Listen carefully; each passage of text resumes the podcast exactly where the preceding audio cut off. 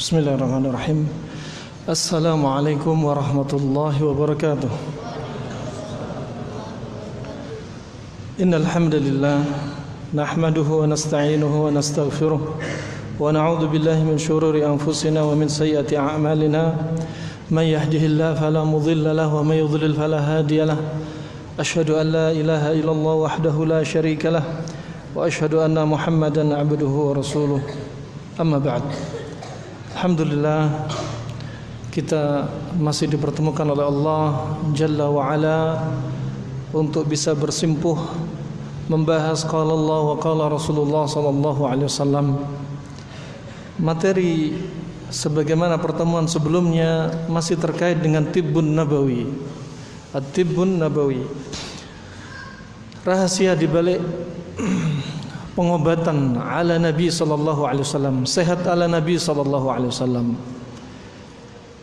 Sebagaimana kita lalui sehat ala Nabi tidak harus melalui herbal, tidak harus melalui terapi bekam, tetapi sebagaimana Ibnu Qayyim sebutkan kita perlu mentadabburi bagaimana aktivitas Nabi sallallahu alaihi wasallam, bagaimana istirahat beliau karena tatkala aktivitas dan istirahat yang seimbang juga merupakan media untuk selalu terjaganya kesehatan dia. Sebab untuk selalu terjaganya kesehatan diri dia. Begitu pula bagaimana Nabi sallallahu alaihi wasallam memilih tempat tinggal? Bagaimana Nabi sallallahu alaihi wasallam memilih pakaian? Bagaimana Nabi sallallahu alaihi wasallam memilih mengkombinasi menu makanannya? Nah di kesempatan kali ini kita akan ingin membahas aktivitas dan istirahat Nabi sallallahu alaihi wasallam. Perlu diketahui Allah Subhanahu wa taala sebagaimana berfirman, "Wa ja'alna al-laila libasa wa ja'alna an-nahara ma'asha." Dan kata Allah, dan kami jadikan malam itu adalah pakaian. Dan kami jadikan di siang hari adalah waktu kita tempat kita untuk mencari penghidupan. Ini hukum asalnya. Bahwasanya manusia diciptakan oleh Allah dengan malam itu untuk istirahat. Mengistirahatkan al-jasad war ruh wan nafs dan kalau kita mentadabburi salah satu aktivitas Nabi wasallam dari sekian kes, keseharian dari aktivitas Nabi maka kita akan mendapati tidur yang paling seimbang adalah tidur yang dilakukan Nabi wasallam. Kalau kita mau melihat tidur dan aktivitasnya, kita akan melihat pola beliau tidur adalah yang paling imbang. Yang paling bermanfaat untuk badan, anggota tubuh dan kekuatannya. Dan Nabi sallallahu alaihi wasallam membiasakan tidurnya di awal malam. Beliau membiasakan tidurnya di awal malam. Ini kebiasaan Nabi Shallallahu Alaihi Wasallam, adab Nabi Shallallahu Alaihi Wasallam. Sebelum masuk materi, perlu diketahui bahwasannya semua dari kita dan makhluk hidup perlu yang namanya istirahat dan tidur. Termasuk makhluk Allah yang sempurna adalah mereka yang bisa tidur. Dan termasuk makhluk Allah yang cacat, yang tidak sempurna adalah mereka yang sulit tidur dan tidak bisa tidur. Ini manusia. Orang yang tidak bisa tidur, katakan dua hari saja tidak bisa tidur, mungkin kesadaran dia mulai menurun, sering timbul al-qalaq, amarah, dan hassas, mudah tersinggung. Kenapa? Karena kurang istirahat. Saraf dia tegang, organ tubuh dia lelah, dan seterusnya. Dan inilah manusia. Adapun Nabi sallallahu alaihi wasallam wa ainuhu sallallahu alaihi wasallam tanam walakin qalbuhu la yanam. Nabi sallallahu alaihi wasallam matanya tertidur tetapi hati Nabi sallallahu alaihi wasallam tidaklah tertidur. Adapun Allah Subhanahu wa taala min sifati kamalih sifat dari Allah kesempurnaan Allah Subhanahu wa taala adalah la yang bagi lil khaliq jalla fi'ula ayyanam. Tidak pantas bagi sang pencipta untuk tertidur. Maka Allah tidak pernah tidur. Termasuk kesempurnaan Allah. Jalla wa ala dia tidak pernah tertidur. Adapun makhluk Allah jika dia tidak tidur maka adalah merupakan kecacatan bukan kesempurnaan oleh karena itu tidak boleh kita mencontoh sifat-sifat Allah tidak boleh kita mencontoh sifat-sifat Allah, tapi boleh kita mencontoh Rasulullah sallallahu alaihi wasallam. Seperti pakaian Allah Subhanahu wa taala di antara adalah ridaullah adalah al-kibr. Kesombongan adalah pakaian Allah Subhanahu wa taala. Adapun manusia jika disifati dengan kibr, sombong, itu menunjukkan manusia yang tidak sempurna, penuh dengan kecacatan. Nabi sallallahu alaihi wasallam tidur di awal malam dan beliau terbangun di dua per tiga malam atau sepertiga malam.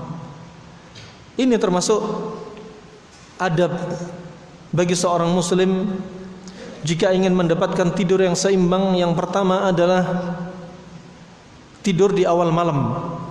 Jangan jadikan setelah isya waktu untuk nongkrong, waktu untuk nobar nonton nonton bareng, waktu untuk ngopi bareng, waktu untuk bertamu. Jangan jadikan kebiasaan jika tidak ada hajah, tidak ada keperluan seperti jika ada keperluan yang mengharuskan musyawarah untuk maslahat kaum muslimin diperlukan demikian dipersilahkan tetapi kalau menjadikan satu kebiasaan maka yang demikian tidak dianjurkan dan yang berikutnya sallallahu alaihi wasallam yaqumu wa yastaq. Ketika bangun tidur, beliau bersiwak. Beliau bersiwak. Wa yatawadda wa yusalli ma kataballahu lah. Yang ketiga, beliau sallallahu alaihi wasallam yatawadda, berwudu, kemudian bersalat. Ya. Untuk tidur yang panjang disyariatkan sebelum berwudu untuk mencuci kedua tangannya. Fa innaka la tadri aina batat yaduk. Kenapa? Karena kalian tidak tahu di mana tangan kalian bermalam. Mungkin bermalam permisi di kemaluannya, di duburnya, maka disyariatkan untuk mencuci tangan. Ini pada sunnah ini dilakukan pada orang yang tidurnya tidur panjang Malam kebanyakan manusia tidur panjangnya adalah di waktu malam. Adapun kebiasaan sebagian manusia yang biasanya mereka di malam berjaga seperti satpam dan lain sebagainya sehingga mereka mengganti waktu tidur mereka yang panjang harusnya di malam hari mereka harus tidur di pagi hari maka syariat mencuci tangan bagi mereka adalah ketika tidur di pagi hari. Karena tidur malamnya tidur mereka yang panjang adalah waktu pagi. Karena di malamnya mereka terjaga seperti pedagang kaki lima sampai malam sampai subuh atau satpam dan lain sebagainya. Begitu pula doa sebelum tidur juga bagi mereka Sebagian ulama berfatwa bahwasanya doa ini dibaca ketika seseorang tertidur dalam keadaan tidur yang panjang. Yang mayoritasnya tidurnya di malam hari, maka doa ini dibaca malam hari. Adapun mereka yang kita katakan tidurnya adalah uh, di pagi hari untuk menggantikan tidur di malam hari karena malamnya berjaga, maka syariat doa tersebut adalah di pagi hari. Kemudian yang keempat, fayakhudhu al-badan wal a'dha wal quwwa haddaha minan naumi wal raha. Tentunya dengan istirahat ini badan akan kembali dalam keadaan dia punya kekuatan, dalam keadaan dia sudah dalam keadaan raha, teristirahatkan. Wa haddaha minar riyadha ma'a ma'awufuri al-ajr wa hadha salahil qalbi wal badani wal dunya wal akhirah alhasil aktivitas yang seperti ini adalah ujung-ujungnya untuk memperbaiki perbaikan hati dan badan, jantung dan badan. Kenapa? Karena kalau jantung ini rusak, maka badan juga rusak.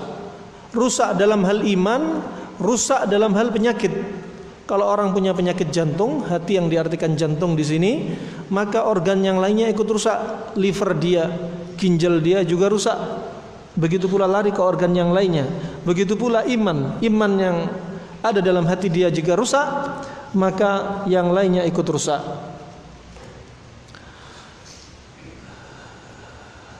Yang berikutnya, poin yang berikutnya, walam yakun ya'khudhu minan naum fawqa al-qadri al-muhtaj ilaih prinsip pola tidur dan adab tidur Nabi Shallallahu Alaihi Wasallam bahwasanya beliau tidaklah tidur melebihi batas kebutuhannya.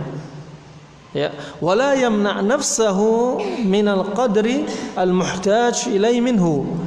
Beliau ketika hendak tidur tidak melarang tubuh ini untuk istirahat. Juga kalau istirahat tidak berlebih-lebihan ya ini selalu yang diajarkan Nabi sallallahu alaihi wasallam. Khairul amr awsatuha, sebaik-baik perkara di tengah. Bainal ghali wal jafi, bainal ifrat wat tafrid, antara ekstrim kanan dan antara ekstrim kiri. Dalam perkara tidur saja Rasulullah mengajarkan demikian. Dalam perkara makan juga demikian. Kalau makan pakai tiga jari, ini perkara yang wusata, perkara yang di tengah-tengah. Antara ekstrim kanan yang makan pakai lima jari, antara ekstrim kiri yang makan pakai satu jari. Begitu pula bagaimana tidurnya Nabi Shallallahu Alaihi Wasallam memilih ranjang. Ya. Begitu pula dalam perkara fikih, dalam perkara akidah, dalam perkara keimanan, Rasulullah selalu mengajarkan di tengah-tengah. Dan tidur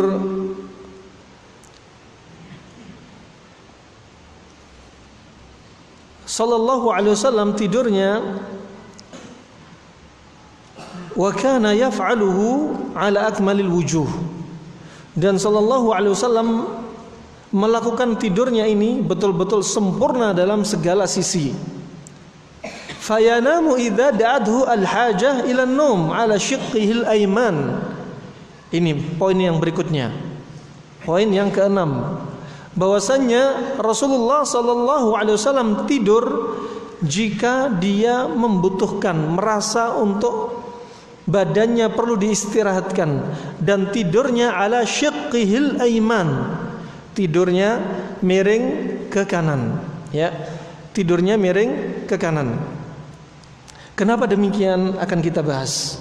Apa hikmah dibalik sunnah Nabi Sallallahu Alaihi Wasallam tidurnya miring ke kanan ya akan kita lalui akan dibahas oleh Ibnu Qayyim dengan detail selain tidur miring ke kanan di sana ada adab yaitu itfaun nar untuk mematikan lampu. Ya wal masabih wa ighlaqil abwab uh, wa dzakara alaih. Ya tidurnya harus matikan lampu di sini disebutkan matikan lampu. Kenapa? Karena lampu pada waktu itu seperti pakai api yang menyala, ya, pakai api yang menyala. Adapun jika lampu seperti di tempat kita tidak lazim karena ilahnya apa? Sebab dari perintah Rasulullah sallallahu alaihi wasallam untuk mematikan lampu adalah sebagaimana yang diriwayatkan dalam hadis yang sahih riwayat Al-Bukhari. Kata sallallahu alaihi wasallam khammiru al-aniyah wa ajifu al-abwab wa adfi'u al-masabiha fa innal fuwaisiqah rubbama jarratil fatilata fa ahraqat ahlal bait kata Rasulullah sallallahu alaihi wasallam. Khammiru al-aniyah tutuplah bejana-bejana kalian. Gelas tutup ceret tutup tempat-tempat air ditutup kita nggak tahu karena malam bisa jadi ada serangga yang masuk bisa jadi kecoa kencing di gelas kita atau di ceret-ceret kita, makanya ditutup, ya. Ceret terutama tidak ada tutupnya, ya. Dibiarkan terbuka. Kita nggak tahu mau minum, ternyata di situ kecoa sudah masuk di situ. Makanya sunnah untuk ditutup. Kemudian pintu-pintu juga ditutup, ya.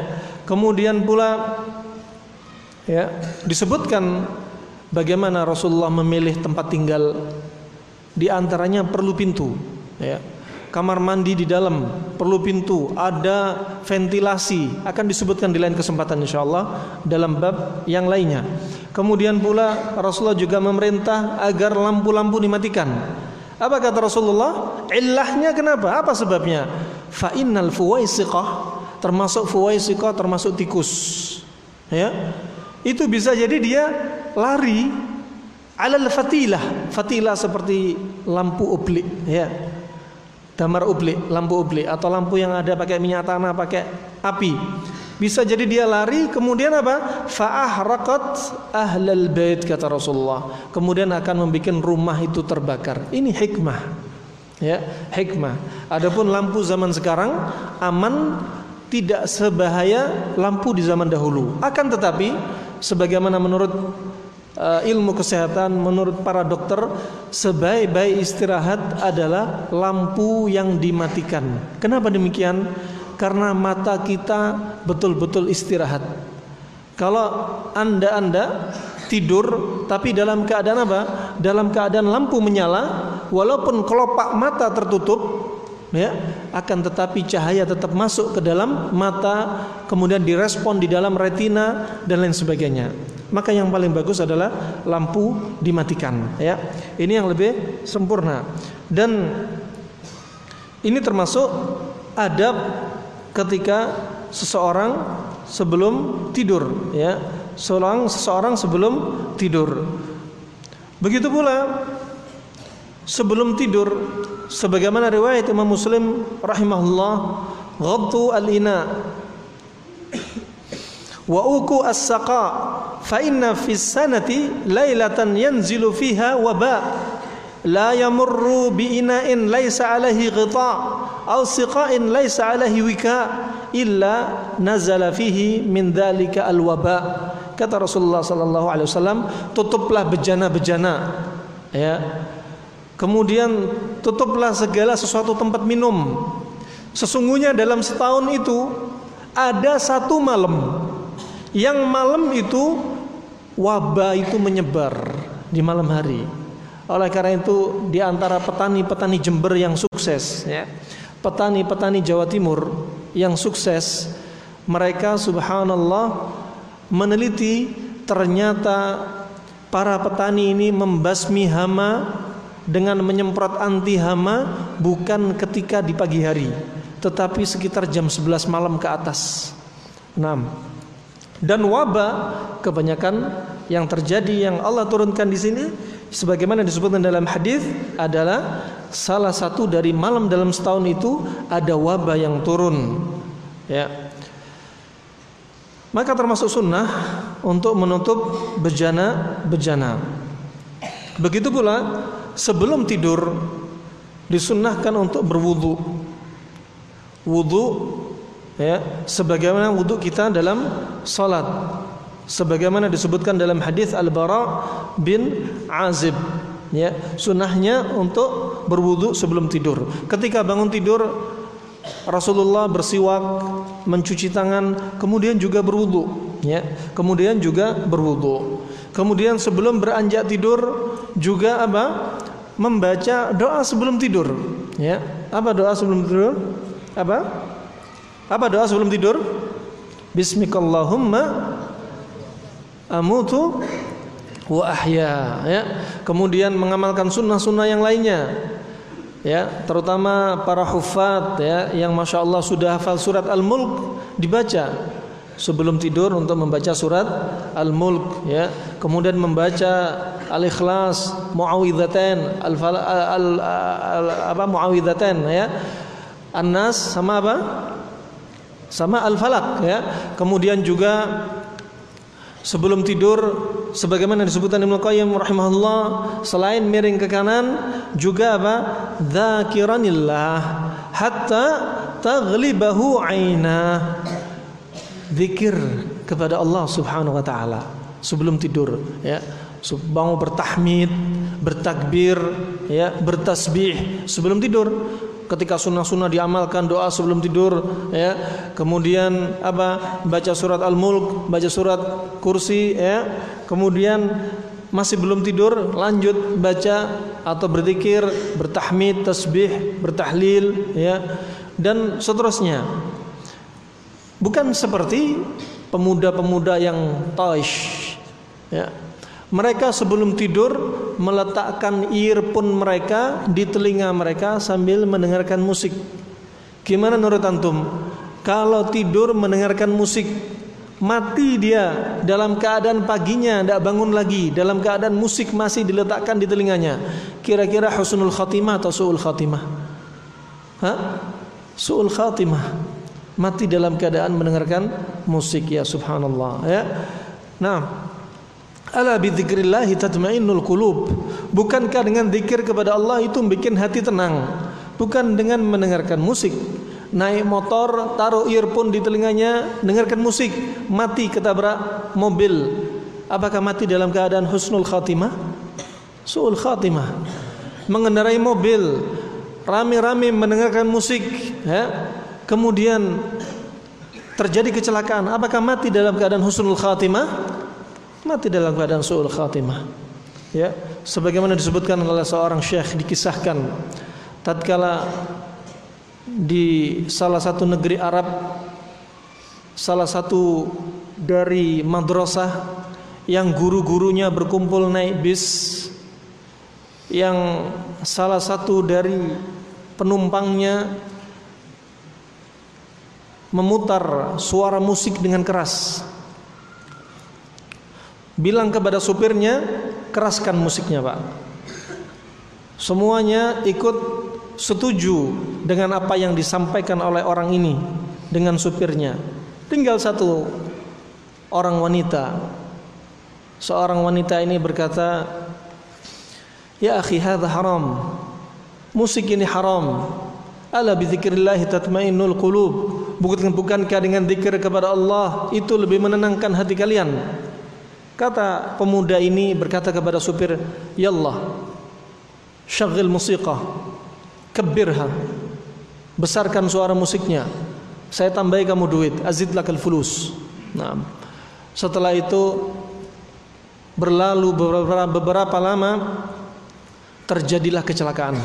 Ya, terjadilah kecelakaan yang sangat dahsyat yang para saksi melihat bahwasannya kecelakaan ini tidak ada yang selamat dari para penumpangnya. Ternyata seorang syekh yang bersaksi menceritakan kisah ini tatkala mendekati dicari korban yang masih hidup, ternyata yang masih hidup waktu itu yang minta tolong berteriak adalah seorang supir. Berkata supir ini, "Wahai fulan, jika kamu ketemu seorang wanita yang berhijab yang kira-kira wanita itu tadi yang menasehati kami untuk mematikan musik sampaikan maaf kami kepada dia. Udur kami kepada dia. Setelah itu dia meninggal. Semua penumpang meninggal kecuali supir tadi masih sempat bicara dan kemudian meninggal. Sisa ketemu satu orang lagi wanita ternyata yang masih keluar suaranya masih ada nafasnya. Kemudian syekh ini dan beberapa temannya mendekati untuk mengangkat badannya. Dia berkata utrukuni utrukuni. Haram alaikum antal misni katanya tinggalkan diri saya. Haram bagi kalian untuk memegang tubuh saya. Katanya kemudian disampaikan apa kamu tadi yang menasihati supir? Kemudian diwas, disampaikan wasiat sang supir untuk dimaafkan. Dan wanita ini diajak untuk naik mobil syekh tersebut hingga akhirnya ke rumah sakit ke UGD untuk diperiksa dan diperiksa oleh seorang dokter dan dilakukan ronsen apa kata dokter tersebut? Wallah laulal iman ya laulal iman ma takum hadhil mar'ah katanya. Wallah kalau bukan karena iman wanita ini sudah tidak bisa berdiri. Kenapa? Karena tulangnya sudah banyak yang retak ya patah-patah tetapi karena iman dia tidak mau disentuh dengan laki-laki yang bukan mahramnya, wanita ini berjalan naik mobil, turun mobil sampai ke rumah sakit. Masya Allah. Rahimani wa rahimakumullah. Berikutnya Poin yang berikutnya kata beliau Ibnu Qayyim rahimahullah hendaknya seseorang itu tidur ghairu mumtali'il badani min at'ami wa syarab. Dia tidur dalam keadaan perut dia tidak penuh dengan makanan atau minuman. Jadi kalau habis makan jangan langsung tidur. Disebutkan oleh para dokter, orang yang makan langsung tertidur ya, orang yang makan langsung tidur akan menyebabkan peningkatan gula di dalam darah. Ya, gula darah dia meningkat. Maka Ibnu Qayyim menyebutkan dalam kitab ini ya, yang disebutkan oleh para dokter Arab bukan dinisbatkan kepada Nabi Shallallahu Alaihi Wasallam bahwasanya setelah asya setelah makan malam untuk berjalan 40 langkah sebagian lainnya mengatakan 50 langkah, sebagian lainnya mengatakan 100 langkah. Hikmahnya apa? Untuk melancarkan pencernaan setelah makan malam sehingga tidak langsung beranjak tidur. Poin yang berikutnya la mubashirin bijambihil ard. Rasulullah kalau tidur tidak langsung di lantai. Ini menunjukkan bagaimana Rasulullah mengajarkan kepada kita dalam perkara dunia saja Rasulullah bagaimana ajarkan pola hidupnya? Rasulullah kalau tidur tidak langsung di lantai. Juga kalau tidur tidak pakai ranjang yang tinggi sampai pakai tangga saja. Untuk keranjang harus naik tangga seperti para raja. Tapi Rasulullah tidur, tidurnya di tengah-tengah, nggak terlalu tinggi, juga tidak langsung di lantai, tapi ada pengalasnya. Bagaimana pengalasnya akan kita sebutkan. Wala muttakhidin lil furshi al murtafi'ah. Rasulullah nggak langsung tidur di lantai, juga Rasulullah tidak tidur di atas ranjang yang tinggi. Ballahu dija' min udmin hashwuhu lif. Bahkan Rasulullah punya ranjang.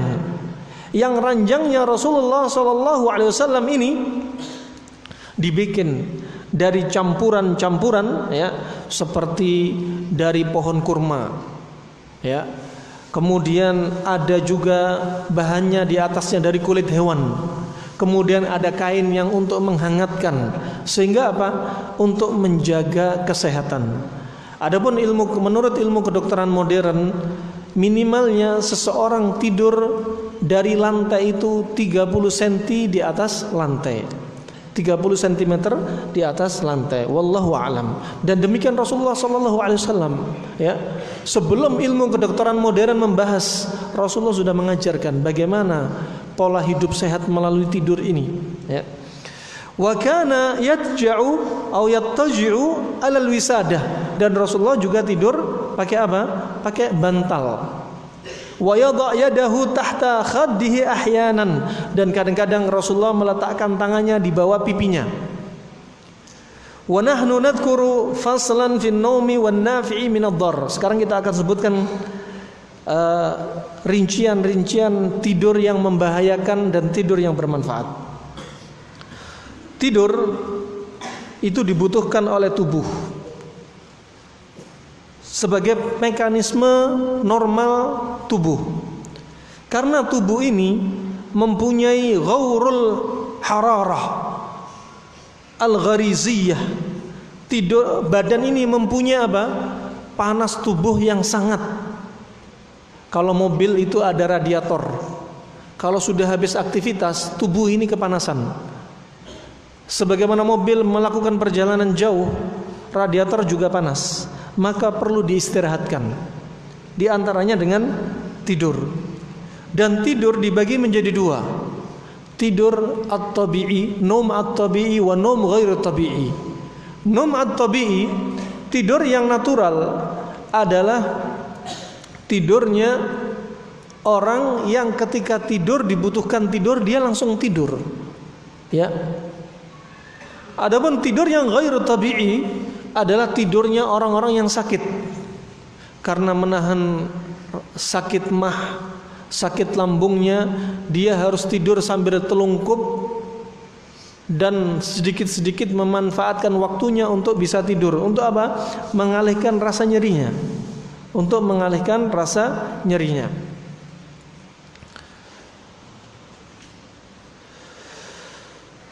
Kemudian beliau menyebutkan manfaat tidur. Walinaumi faidatani jalilatani. Dalam tidur itu atau istirahat itu ada dua faidah. Ada dua manfaat yang besar. Ya, manfaat itu sangat banyak manfaatnya. Tetapi Ibnul Qayyim ingin menyebutkan di sini bahwasanya tidur itu punya manfaat. Ya.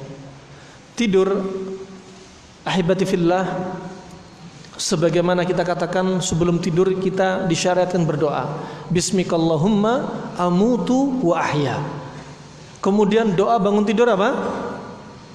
Alhamdulillahilladzi ahyana ba'dama amatana. Sebagaimana hadis Rasulullah An-num akhul maut. Tidur itu adalah saudara kematian. Maka dari itu kalau orang mau tidur banyak-banyak zikir. Ya kita nggak tahu. Tidur tiba-tiba besok udah bangun. Kalau sudah bangun baca doa juga. Alhamdulillahilladzi ahyana ba'da ma amatana. An-naum akhul maut tidur adalah saudara kematian. Kata Syekh Shalal Al-Fauzan rahimahullah kenapa demikian? Ya karena sesungguhnya ketika kita tidur roh kita ini sedang keluar. Bisa jadi roh kita ini tidak kembali. Al-maut kematian. Ya. Orang dikatakan mati karena apa? Rohnya ini keluar dari jasad dia. Ya. Dan roh ini apa? Yadba'u basarahu yadba'u roh. Matanya ini mengikuti ke mana rohnya ini keluar. Ya. Ketika orang meninggal, roh ini keluar. Kalau rohnya roh yang baik, ya rohnya ini keluar seperti apa? Kalma kharaja min fisaqa. Seperti air yang keluar dari ceret, keluarnya enak. Tapi kalau rohnya ini rohnya orang-orang munafik, orang-orang kafir, rohnya orang-orang ahli maksiat, keluarnya dia dikeluarkan dalam keadaan disiksa. Seperti apa? Hewan yang dikuliti, kulitnya dicabut dalam keadaan dia hidup-hidup. Sakit sekali. Ya. Dan roh ini keluar, kalau orang meninggal, rohnya ini keluar semua, nggak tersisa di dalam tubuhnya. Tetapi orang yang tidur, roh ini keluar, tetapi apa? Bukan semua roh yang keluar, sebagian roh kita yang keluar. Sebagiannya masih ada di dalam tubuh kita. Oleh karena dikatakan apa? An-num akhul maut. Tidur adalah saudara kematian. Walinaumi faidatani jalilatani. Dua manfaat yang besar dari istirahat tidur ini yang pertama adalah sukunul jawarih warahatuha mimma ya'ridu laha minat ta'ab fayurihu al-hawas minan nasabi al yaqdah wa yuzilu al iya wal kalal kata beliau faidah yang pertama dengan tidur orang akan tenang pada anggota tubuhnya. Teristirahatkan dari rasa lelah. Panca indera juga beristirahat setelah lelah di waktu bangunnya atau aktivitasnya. Wathaniyah manfaat yang kedua dengan tertidur dengan dia istirahat atau tidur adalah hadmul ghidha al hararata al ghariziyata fi waqti an-nawm taghuru ila batinil badani fatu'inu ala dhalik wa lihadha yubarridu dhahirah wa yahtaju an-naim ila fadli ad-dithar kata beliau rahimahullah bahwasanya dengan tidur ini adalah untuk mencerna sisa-sisa nutrisi. Tidak heran kalau ternyata ada orang yang tidur bangun-bangun kok berkeringat, basah semua. Padahal dia tidak lari, padahal dia tidak stres. Apa yang terjadi? Ternyata tubuh ini sedang menyempurnakan proses metabolisme nutrisi-nutrisi yang ada di dalam tubuhnya.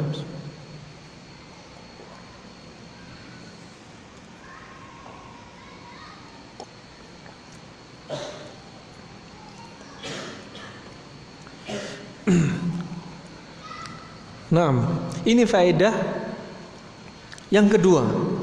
Dengan tidur ternyata untuk memasak, mematangkan unsur-unsur materi yang ada di dalam tubuh. Poin yang berikutnya. Setelah kita bicara manfaat, berikutnya kita akan membahas tidur yang paling baik.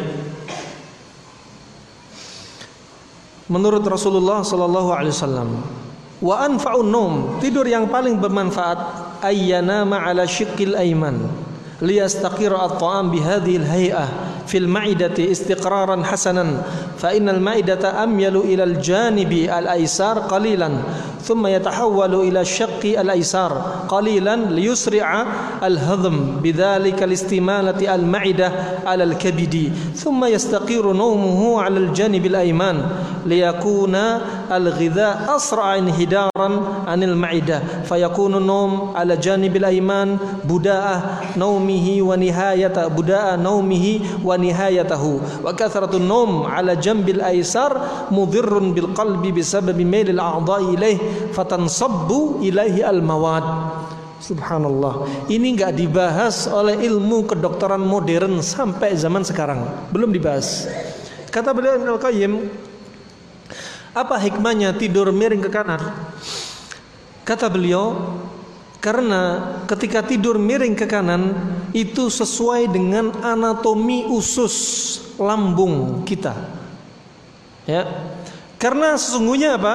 Lambung itu miring ke kiri sedikit, ya, habis kerongkongan, ya. Terus ke bawah ketika makanan masuk ke lambung, lambung itu miring ke kiri sedikit. Kemudian lebih condong miring ke kanan. Ya. Untuk dekat ke arah liver. Oleh karena itu tidurnya apa? Miring ke kanan.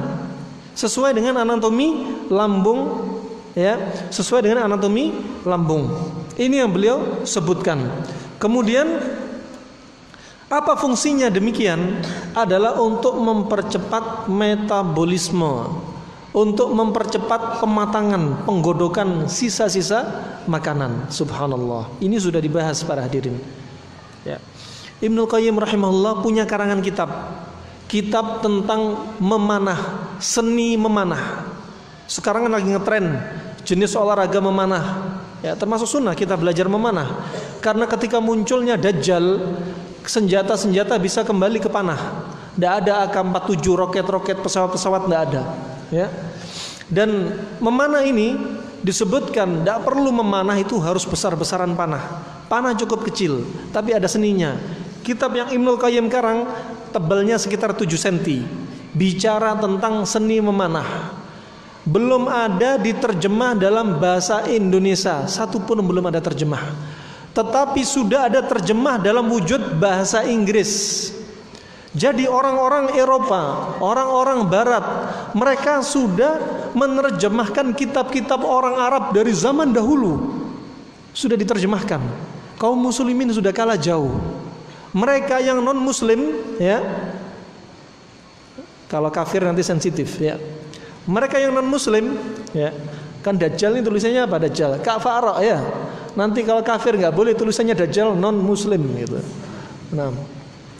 Mereka orang-orang kafir non muslim sudah apa? Bergelut dengan kitabnya orang-orang Arab ya. Untuk apa? Untuk belajar seni-seni untuk belajar pengobatan-pengobatan dari Arab mereka sudah mendahului kita. Nah, demikian para hadirin. Ini Ibnu Qayyim sudah menyebutkan. Beliau kurun ulama kurun ke-7 Hijriah. 700-an Hijriah. Ya. Kata beliau tidur itu miring ke kanan. Kenapa? Sesuai dengan anatomi lambung. Ya. Kedokteran modern belum belajar anatomi lambung lah mereka sudah tahu anatomi lambung. Ya. Kemudian apa? Kalau tidurnya miring ke kiri, apa yang terjadi? Kalau tidur miring ke kanan, manfaatnya seperti kita sebutkan untuk memudahkan pencernaan. Kedua, tidur dia lebih ringan, lebih mudah untuk dibangunkan atau lebih mudah bangun dan tidurnya tidak terlelap sebagaimana tidur-tidur yang lainnya. Adapun tidur yang miring ke kiri, kata beliau sangat membahayakan Tidur miring ke kiri, kiri kira-kira organ apa yang ada di kiri yang fatal, yang sangat vital? Organ jantung. Ketika tidur miring ke kiri, organ kita yang vital yaitu jantung akan tertekan dengan organ yang lainnya yaitu paru-paru.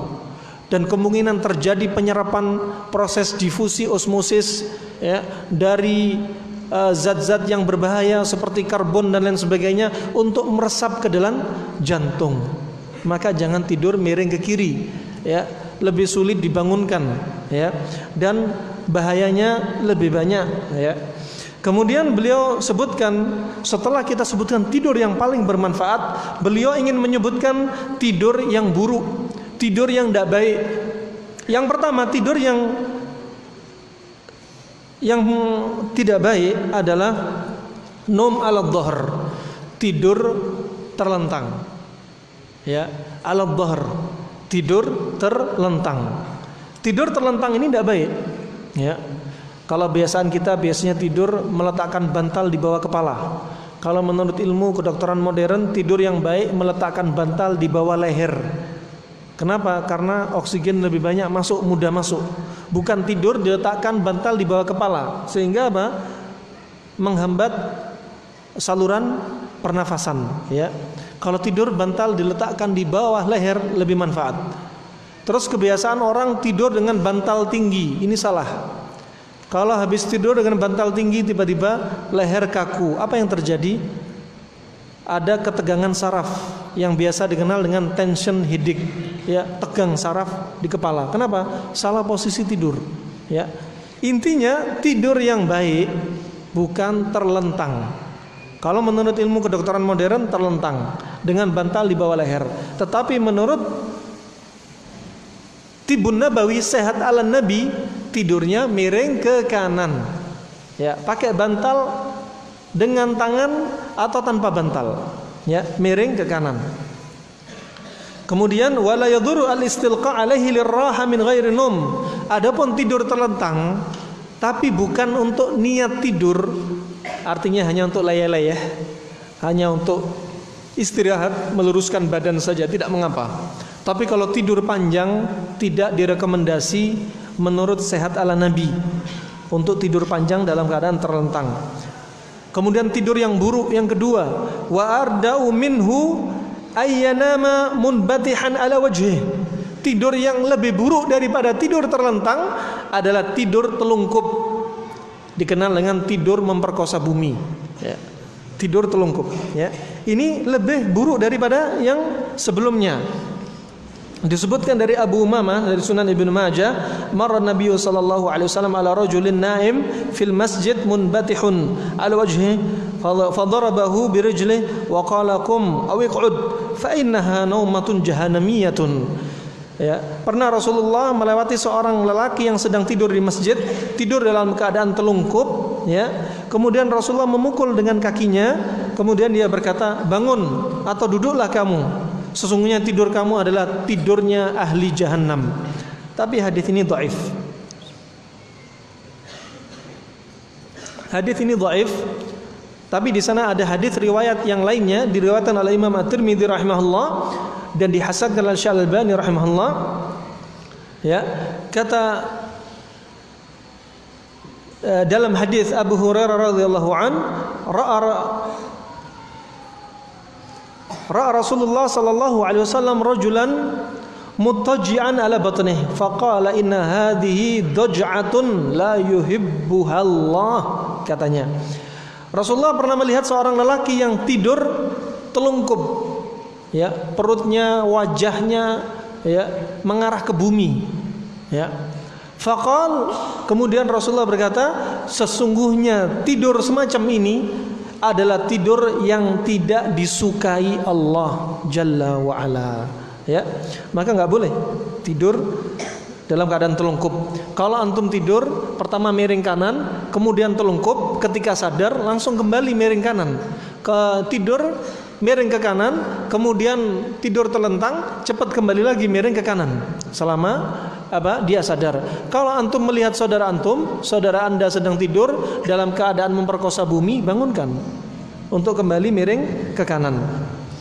Kemudian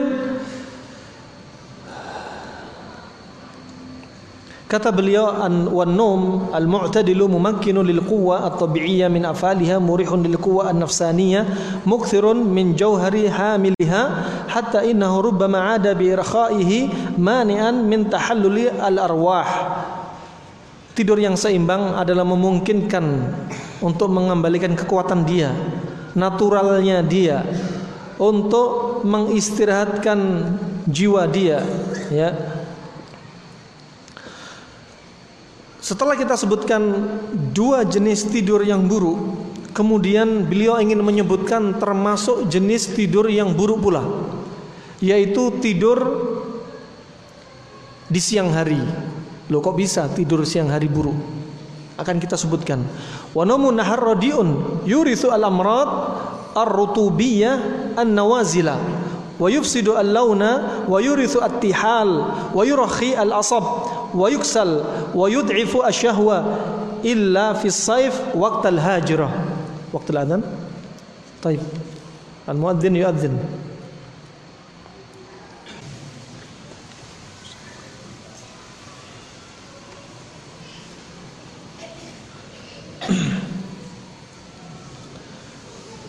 Kemudian dilanjutkan Ibnu Qayyim rahimahullah, tidur di siang hari adalah tidur yang buruk. Karena tidur di siang hari akan menimbulkan penyakit yang sifatnya adalah lembab. Juga akan mengganggu enzim dan pigmen warna kulit. Juga akan menimbulkan penyakit gangguan pada limpa. Ya. Juga akan melemahkan saraf dia akan membuat malas juga akan melemahkan syahwat hawa nafsu dia. Kecuali di waktu musim panas. Ya musim panas tidak mengapa dibutuhkan tidur siang hari. Karena musim panas panas tubuh kita lebih sering sehingga membutuhkan tambahan istirahat di siang hari tetapi di luar dari itu tidur di siang hari tidak direkomendasi. Ya. Akan menimbulkan penyakit yang sifatnya lembab. Juga gangguan pada saraf dan lain sebagainya. Mungkin ada yang mengalami tidur setelah makan siang, bangun-bangun asar kok lemes, badan demam, malah tidak sehat. Ini yang dimaukan yang dijelaskan oleh Ibnu Qayyim rahimahullah. Dan tidur di siang hari tidak mutlak tercela. Tidak mutlak uh, dikhawatirkan padanya bahaya. Karena tidur di siang hari dibagi menjadi tiga yaitu khulqun, hurqun dan humqun. Ini kata Ibnu Qayyim rahimahullah. Adapun menurut Imam Syafi'i tidur di siang hari dibagi menjadi tiga. Yang pertama hailulah qailulah. Sama hailulah ya. Hailulah qailulah. Sama ailulah. Ya ini menurut Imam Syafi'i. Bahasanya lain. Kalau khulqun ini kalau menurut Imam Syafi'i namanya qailulah. Kalau hurqun yaitu hailulah. Kalau Humkun sama dengan ailulah. Apa maksudnya? Khulqun adalah tidur yang disunahkan Nabi Shallallahu Alaihi Wasallam, yaitu dinamakan apa? Qailulah. Tidur di waktu kita dilarang sholat siang. Kita katakan sebelum duhur 10 menit 15 menit sebelum adzan duhur sunnah Qil fa inna syaitana la taqil. Tidurlah kalian tidur siang karena setan nggak tidur siang. Ulama khilaf tidur siang kapan sih tidur siang? Qailulah kapan? Ada yang mengatakan sebelum ya beberapa waktu sebelum adzan duhur, ada yang mengatakan setelah sholat duhur. Pendapat yang ketiga ada yang mengatakan qailulah hukum asalnya sebelum duhur. Adapun pada hari Jumat itu setelah sholat Jumat. Wallahu a'lam. Ya. Kalau mereka sebagian mereka orang-orang malas berdalil, saya mau qailula lah tidur dari jam 9 sampai adzan zuhur. Ini bukan qailula ini. Nah. Ah, ini qailula hanya sebentar saja ya. Ini yang termasuk disunahkan. Kemudian hurkun. Hurkun atau dikatakan apa? Ailulah. Uh, hailulah. Kata Imam Syafi'i, kenapa dinamakan hailulah? Lianna tahillu angka rizq. Karena menyebabkan rizki itu lari dari diri kamu. Ya, pagi-pagi habis subuh tidur. Kalau dibutuhkan sesekali tidak mengapa. Tetapi disebutkan oleh Syekh bin Bas dan ulama yang lainnya kebiasaan orang Arab memang tidur pagi hari dan tidak ada dalil yang melarangnya. Tetapi ini keluar dari ucapan-ucapan salaf tidak direkomendasi tidur di pagi hari. Tetapi dalil dari Nabi Wasallam tidak ada yang melarang. Tidak ada yang melarang. Nah, tetapi apa? Istirahat. Kemudian apa? Humkun tidur setelah asar. Dan tidur yang paling jelek adalah tidur sebelum maghrib. Ya, tidur sebelum maghrib. Ini dinamakan apa? Humkun, kedunguan. Kalau kata Imam Syafi'i apa? Ailulah, tidur yang akan membuat dia sakit, bikin penyakit. Tidur setelah asar, terutama tidur sebelum maghrib.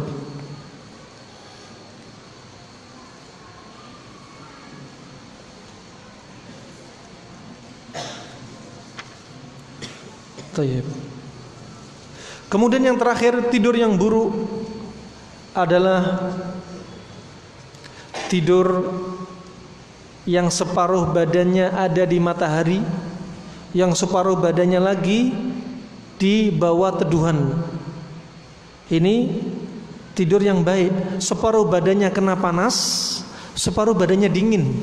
Ini membuat tubuh apa? tidak stabil, tidak imbang dalam pola tidurnya. Ya.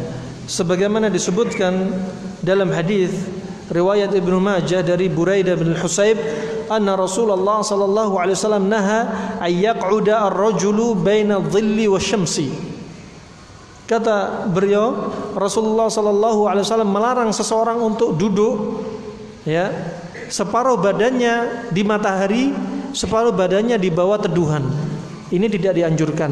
Baik dia duduk, lebih-lebih dia tidur tidak dianjurkan.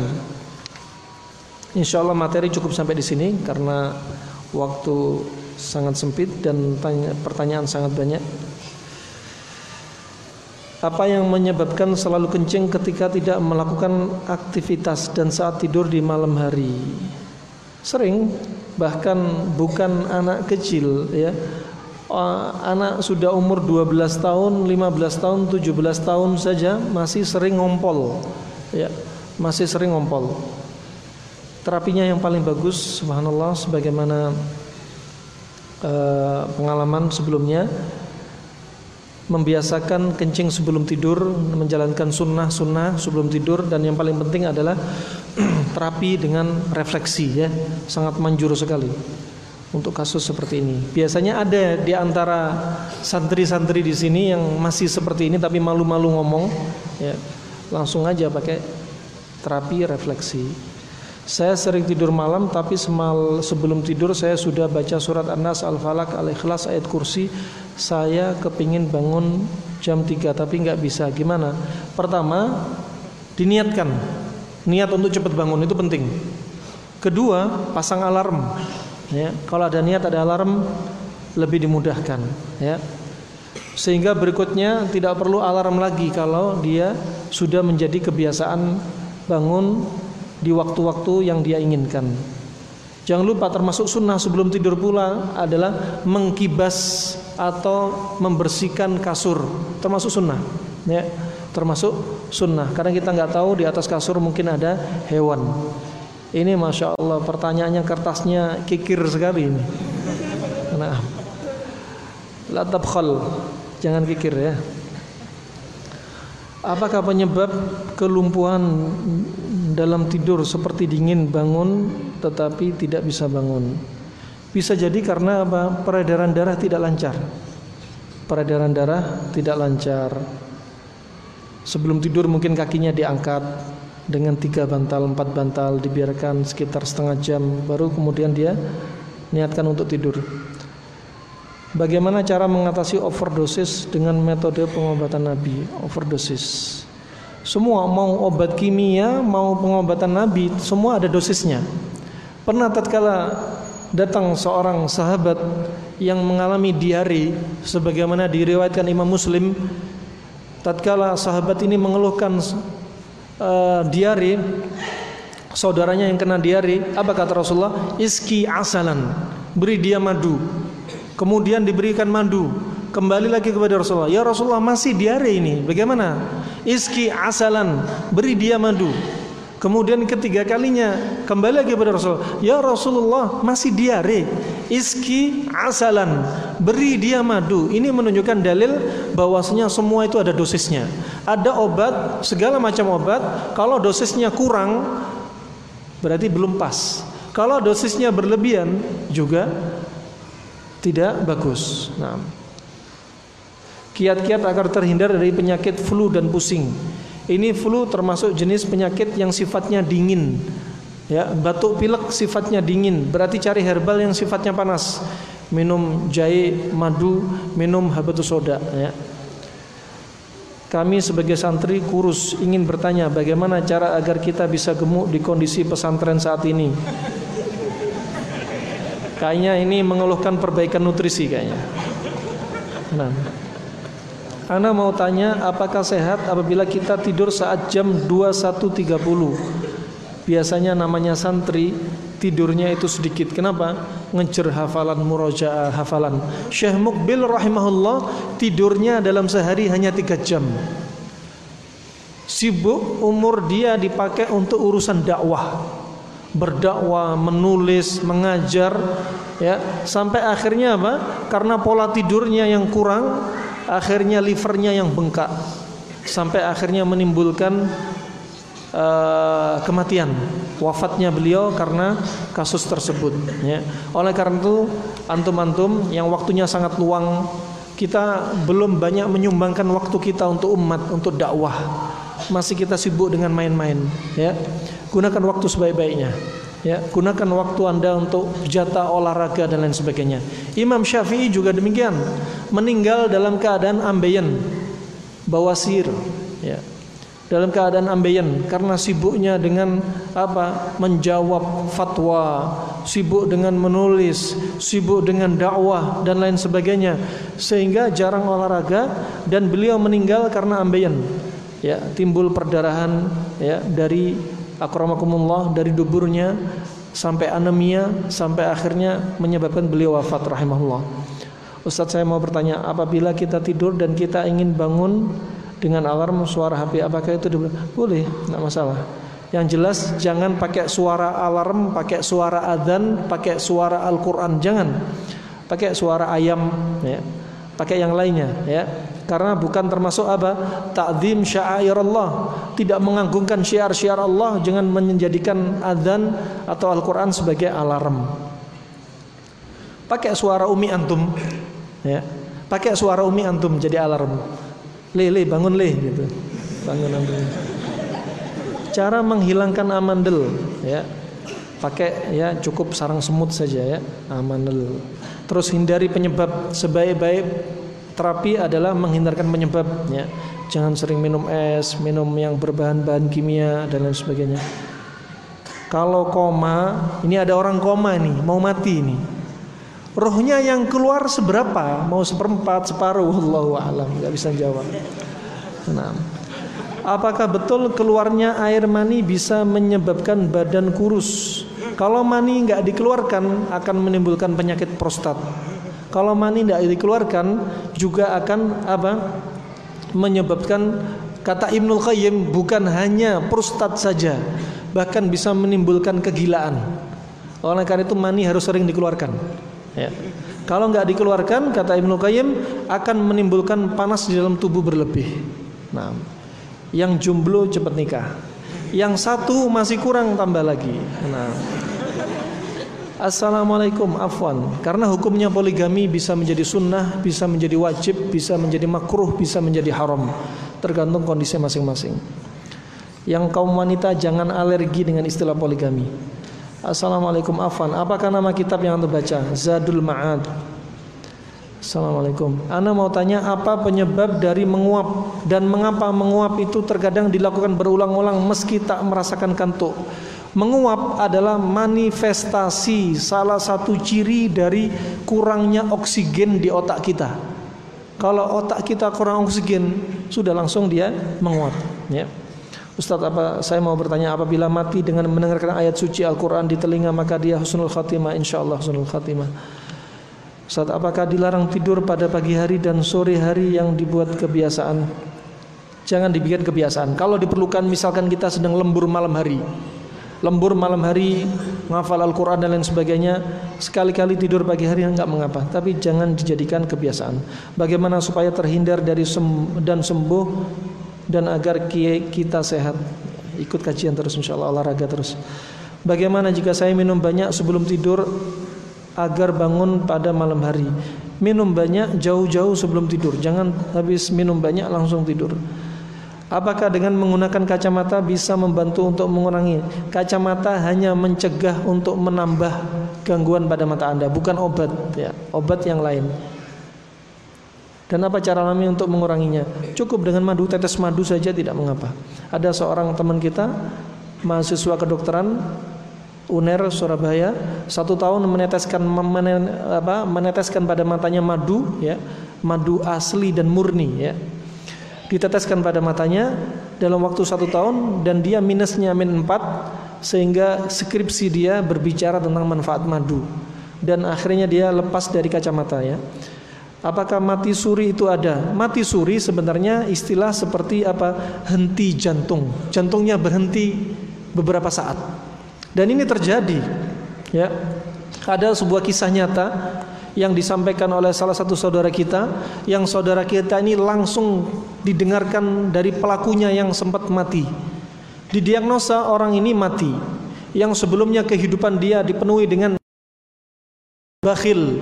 Dia punya lahan yang sangat luas sampai orang ingin mengambil apa pohon kelapa saja yang jatuh bersama pelepahnya jatuh ingin diambil untuk jadikan bahan kayu bakar dia dilarang sama pemilik tanah ini.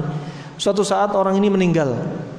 Setelah meninggal ya ketika di rumahnya diadakan acara-acara ya kemudian orang yang meninggal tadi dikuburkan sekitar tiga tahun menjadi orang yang paling mulia di kampungnya. Alhamdulillah. Ini semua hikmah dari Allah Subhanahu Wa Taala ini istilahnya mati suri adalah henti jantung ya. Makanan apa yang bagus untuk kulit kita? Yang bagus untuk kulit yang mengandung vitamin E. Santri mau bicara untuk kulit.